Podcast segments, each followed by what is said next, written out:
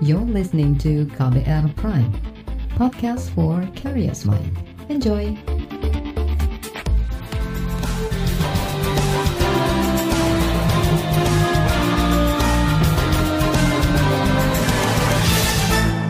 Halo saudara, senang sekali kami bisa menyapa Anda kembali dalam program KBR Sore edisi hari ini, Kamis 12 Agustus 2021. Saya Agus Lukman menemani Anda selama kurang lebih 30 menit ke depan. Saudara, pemerintah mengakui ada masalah mengenai data angka kematian akibat COVID-19. Masalahnya ialah data menumpuk dan terlambat dilaporkan. Hal ini menjadi dasar pemerintah menghapus angka kematian dari indikator evaluasi penanganan pandemi COVID-19. Kebijakan ini menuai kontroversi di tengah masyarakat. Menurut sejumlah pakar wabah, menghapus angka kematian sama saja dengan tidak peduli seberapa parah kondisi pandemi di Indonesia. Sebab akan semakin banyak kematian pasien COVID-19 yang tidak terdeteksi. Sejumlah pihak mendesak pemerintah untuk memperbaiki data kematian dan bukan menghapusnya. Lalu bagaimana respon pemerintah dan seberapa parah pendataan angka kematian akibat COVID-19 di tanah air? Simak ulasannya hanya di KBR sore. Saudara, salah satu contoh amburadulnya data angka kematian COVID-19 terjadi pada 22 Juli lalu. Ketika itu, data Satgas Nasional menyebut angka kematian di Jawa Timur mencapai 17.100 kasus. Namun data di Satgas Jawa Timur justru menyebut angka kematian mencapai 17.400 kasus atau selisih 300 kasus kematian. Begitulah salah satu contoh semrawutnya data angka kematian. Sistem yang tidak terintegrasi dan pelaporan secara manual diyakini sebagai penyebabnya dan akibatnya angka kematian versi pusat dan daerah menjadi berbeda.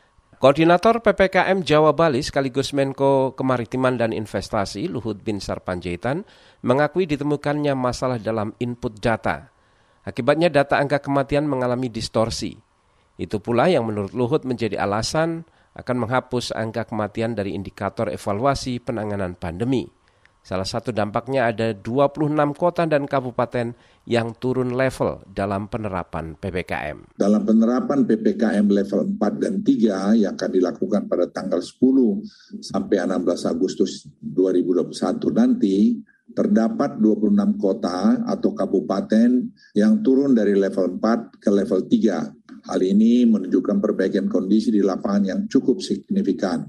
Evaluasi tersebut kami lakukan dengan mengeluarkan indikator kematian dalam penilaian karena kami temukan adanya input data yang merupakan akumulasi angka kematian selama beberapa minggu ke belakang sehingga menimbulkan distorsi dalam penilaian. Menyangkut ini pun kami sekarang terus bekerja keras untuk mengharmonisasi data. Dengan itu juga memperbaiki silacak. Uh, kami membentuk tim khusus untuk menangani wilayah-wilayah yang memiliki lonjakan kasus kematian yang signifikan dalam beberapa minggu terakhir yang seperti kami lakukan di Yogyakarta. Setelah kami kembali dari Yogyakarta, kita evaluasi angkanya, kita temukan di sana sini yang perlu diperbaiki. Koordinator PPKM Jawa dan Bali Luhut Binsar Panjaitan mengklaim pemerintah masih menjadikan lonjakan kasus kematian sebagai perhatian khusus. Bahkan pemerintah akan membentuk tim untuk menangani wilayah-wilayah yang mengalami lonjakan kasus kematian secara signifikan dalam beberapa pekan terakhir. Tidak lama setelah pernyataan Luhut itu, Ketua Bidang Penanganan Kesehatan di Satuan Tugas Penanganan COVID-19, Alexander Ginting, mengatakan angka kematian tidak akan dihapus dan tetap dipakai sebagai indikator evaluasi penanganan pandemi. Alexander mengatakan, pernyataan Luhut merujuk pada penetapan untuk status level PPKM saja atau bukan untuk penanganan pandemi secara keseluruhan. Tetapi apa yang disampaikan oleh Bapak Menko mungkin di dalam melakukan penilaian levelisasi antara PPKM level 4 ke level 3, mengingat data memang belum bisa diharmonisasi dalam waktu satu minggu, dua minggu. Karena PPKM yang kita kerjakan sekarang ini penilaiannya adalah ada yang per minggu dan ada yang per dua minggu. Tetapi tetap indeks angka kematian tersebut tetap menjadi indikator utama. Ketua Bidang Penanganan Kesehatan di Satgas COVID-19 Alexander Ginting mengatakan Indonesia saat ini tergabung dalam komitmen Global Health Security, anggota WHO. Salah satu kewajibannya adalah melaporkan perkembangan pandemi di Indonesia untuk dipantau, kemudian dinilai status dan kesiapsiagaannya dalam menyelesaikannya. Karena alasan itulah maka pemerintah tidak mungkin menghilangkan angka kematian dalam indikator evaluasi penanganan pandemi virus corona. Karena ini adalah rumpun ilmu kesehatan bidang epidemiologi yang tidak mungkin bisa kita bongkar pasang karena ini sudah menjadi uh, dogma mereka, doktrin mereka kecuali ini bisa disangkal melalui berbagai hipotesis yang yang baru. Tetapi yang namanya kita melihat laju penularan, maka kita harus bisa melihat seberapa tinggi kasus, kasus konfirmasi, seberapa tinggi angka mortality rate, termasuk juga morbiditas, termasuk juga perawatan di rumah sakit. Itu tadi Ketua Bidang Penanganan Kesehatan di Satgas COVID-19 Alexander Ginting. Saudara, sinkronisasi kecepatan dan ketepatan data dari daerah juga menjadi perhatian Satgas. Juru bicara Satgas Penanganan COVID-19 Wiku Adhisa Smito meminta kepada daerah agar memperhatikan akurasi data yang dikirim ke pemerintah pusat. Untuk provinsi yang sampai saat ini kenaikan kasusnya terbilang paling tinggi seperti Sulawesi Tengah, Kalimantan Selatan, dan Sumatera Barat, serta provinsi lainnya yang masih mengalami kenaikan, dimohon gubernur dan wali kota serta bupati di bawahnya untuk sekarang juga mengantisipasi, bergerak mempersiapkan fasilitas pelayanan kesehatan di wilayahnya masing-masing agar kasus yang naik ini dapat segera dikendalikan. Mohon kepada gubernur dapat selalu membaca data dari masing-masing kabupaten kota di bawahnya agar dapat segera menindaklanjuti wilayah yang menunjukkan perkembangan yang kurang baik. Itu tadi juru bicara Satgas Penanganan COVID-19 Wiku Adhisa Smito. Saudara, di bagian berikutnya kami akan hadirkan laporan khas KBR kali ini mengulas topik mengenai pandemi terkendali dahulu, baru ekonomi pulih kemudian. Tetaplah di KBR sore. You're listening to KBR Pride, podcast for curious mind. Enjoy.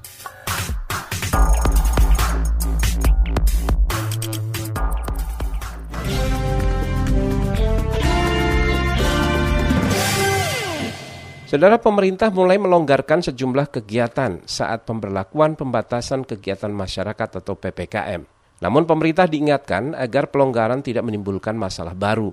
Pemerintah diminta serius menangani pandemi COVID-19 sebab perbaikan ekonomi juga bergantung pada penanganan pandemi. Berikut laporan khas KBR yang disusun Astri Septiani. Pemerintah mulai melakukan pelonggaran di pemberlakuan pembatasan kegiatan masyarakat atau PPKM yang mulai berlaku 10 hingga 16 Agustus ini.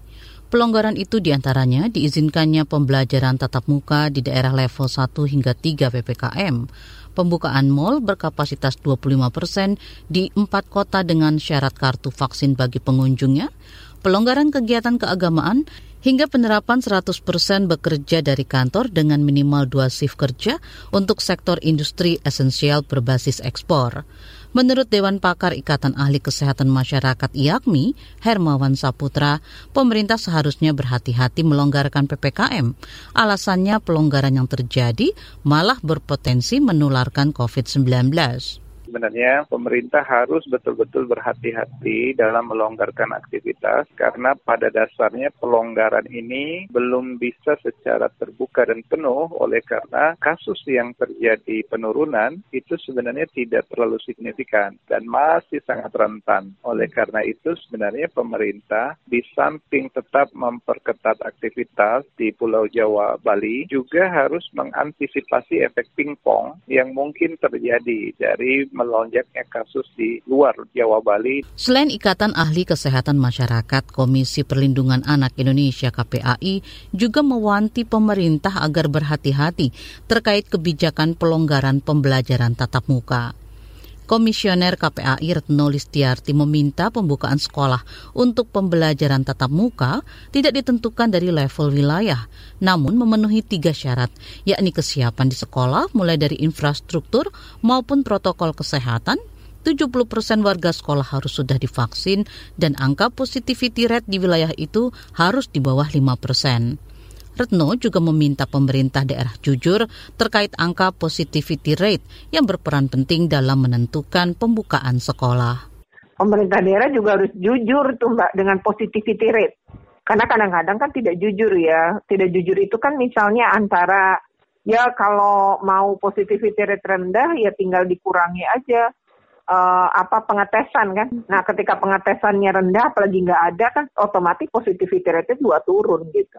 Jangan sampai kayak semangka, ya seolah-olah zonanya hijau, padahal luarnya hijau, semangka itu kan dalamnya merah ya. Atau ngakunya kuning, tapi nanti kayak kenari, gitu. Buah kenari kan luarnya kuning, dalamnya merah. Nah, kita berharap jujur di di luar hijau, dalamnya juga hijau gitu. Sementara itu dari sisi ekonomi, ekonom dari Indef, Evi Nur Afifah menyarankan ada kesepakatan dan kesadaran semua daerah untuk satu suara soal prioritas pengendalian COVID-19 sebelum memikirkan soal pertumbuhan ekonomi. Evi menilai ada tujuan yang sama yang perlu dicapai daerah.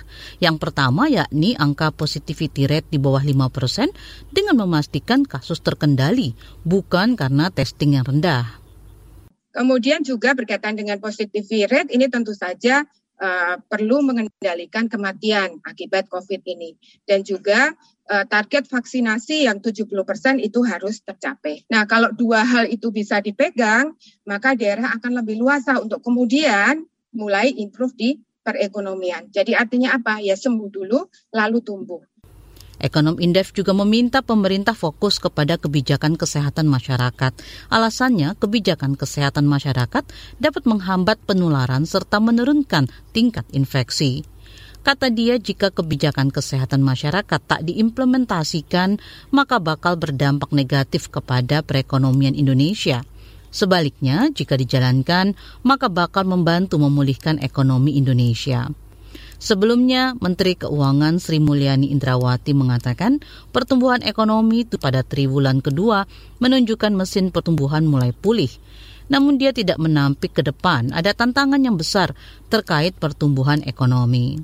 Kita berharap momentum pemulihan ekonomi akan bisa terjaga. Tentu ini hanya bisa dilaksanakan apabila seluruh pelaku ekonomi dan masyarakat ikut menjaganya. Kita masih berharap antara range 5,7 dengan 4,0 untuk tahun uh, untuk kuartal ketiga. Ini sebuah tantangan karena kita hanya bisa melakukan pada upper end apabila delta bisa dikendalikan dan mobilitas serta kegiatan ekonomi mulai bisa berjalan secara normal kembali. Demikian laporan khas KBR yang disusun jurnalis Astri Septiani. Saya Fitri Anggreni. Saudara, Kementerian Kesehatan menuding salah satu penyebab angka kematian akibat COVID-19 tidak sinkron adalah lambatnya pemerintah daerah dalam memperbarui laporan. Lalu bagaimana pemerintah daerah merespon tudingan tersebut? Simak informasi selengkapnya sesaat lagi di KBR Sore. You're listening to KBR Pride, podcast for curious mind. Enjoy!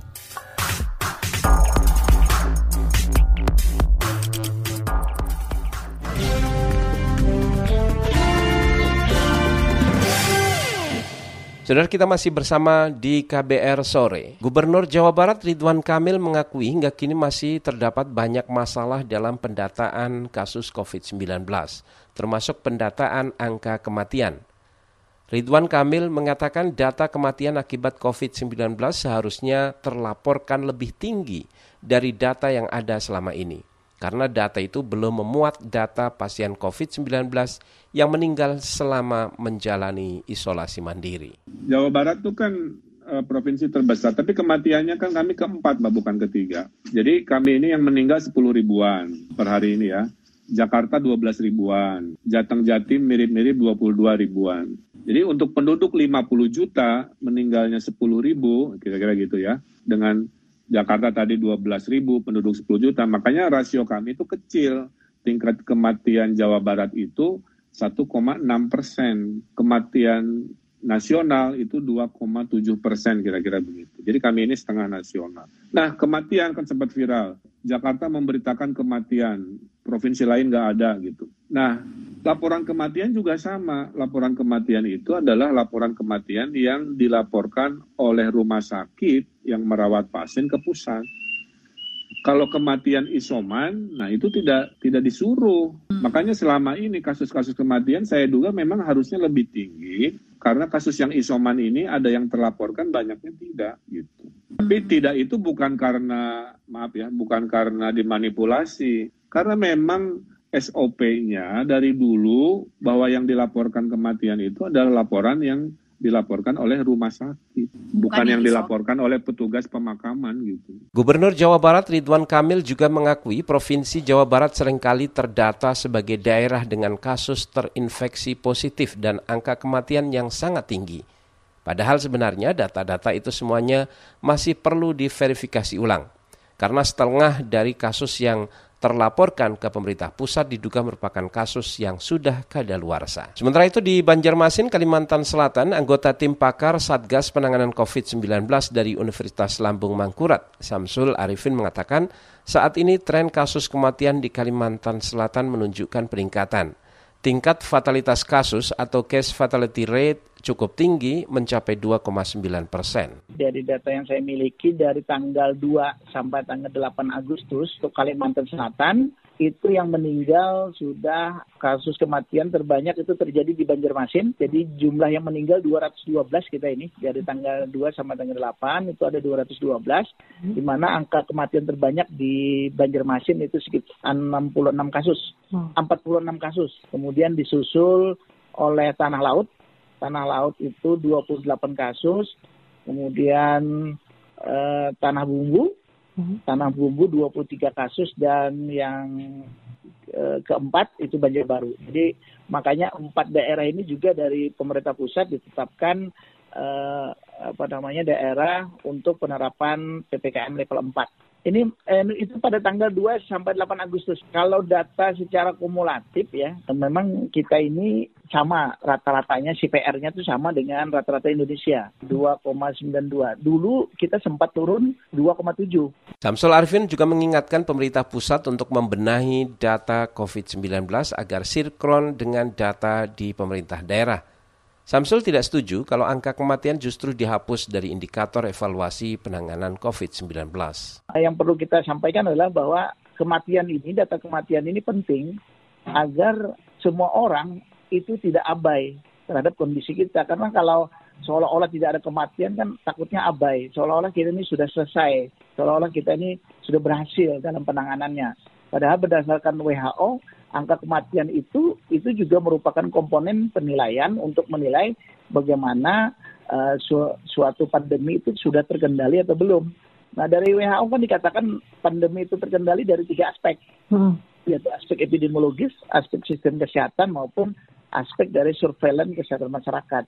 Nah angka kematian itu berada di dua di dua indikator yaitu pada uh, indikator epidemiologis dan indikator surveillance kesehatan masyarakat. Dan bagaimana kalau itu kita tidak tidak tidak ada data itu kan?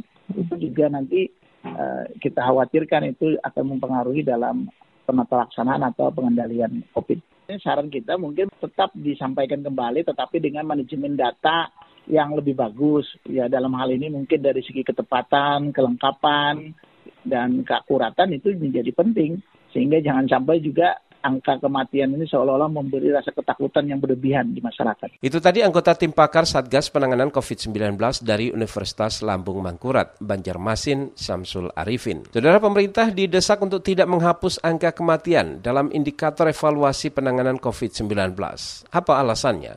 Kami hadirkan perbincangan dengan inisiator Lembaga Pemantau Independen Lapor COVID-19 sesaat lagi. Tetaplah di KBR Sore. You're listening to KBR Pride, podcast for curious mind. Enjoy!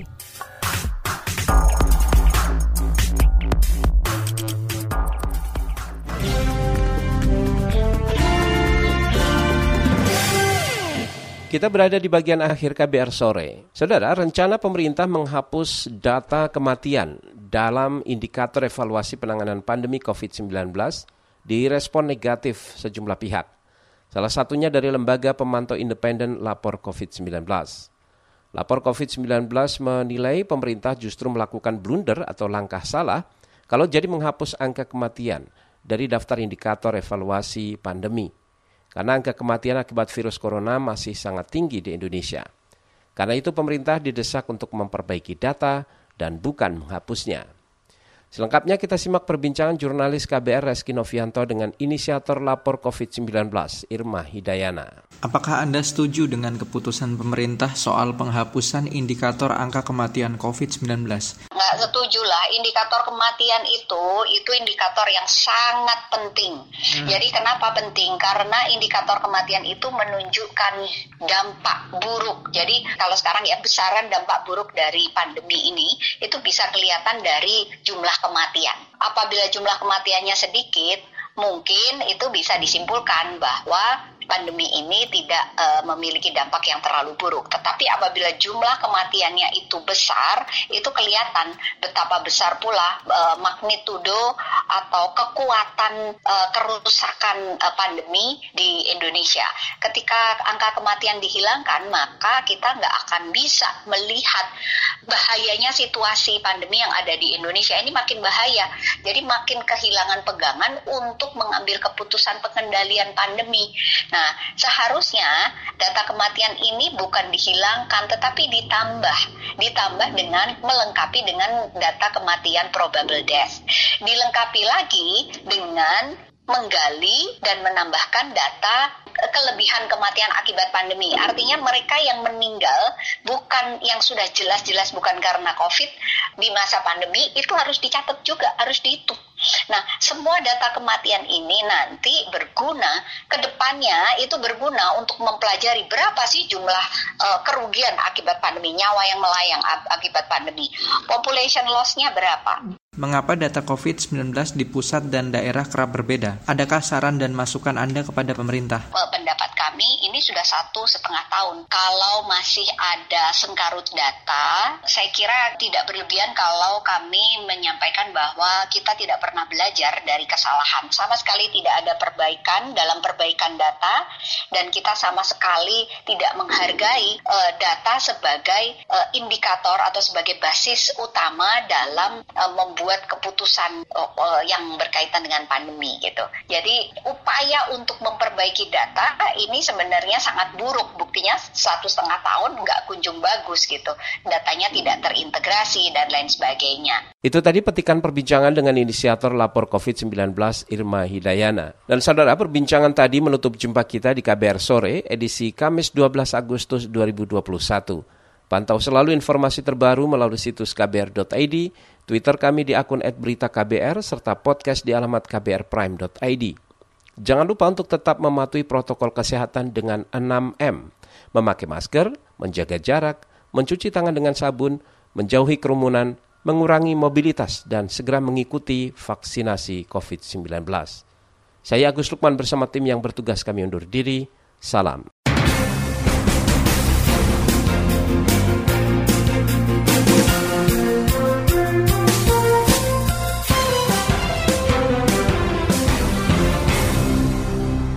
KBR Prime, cara asik mendengar berita.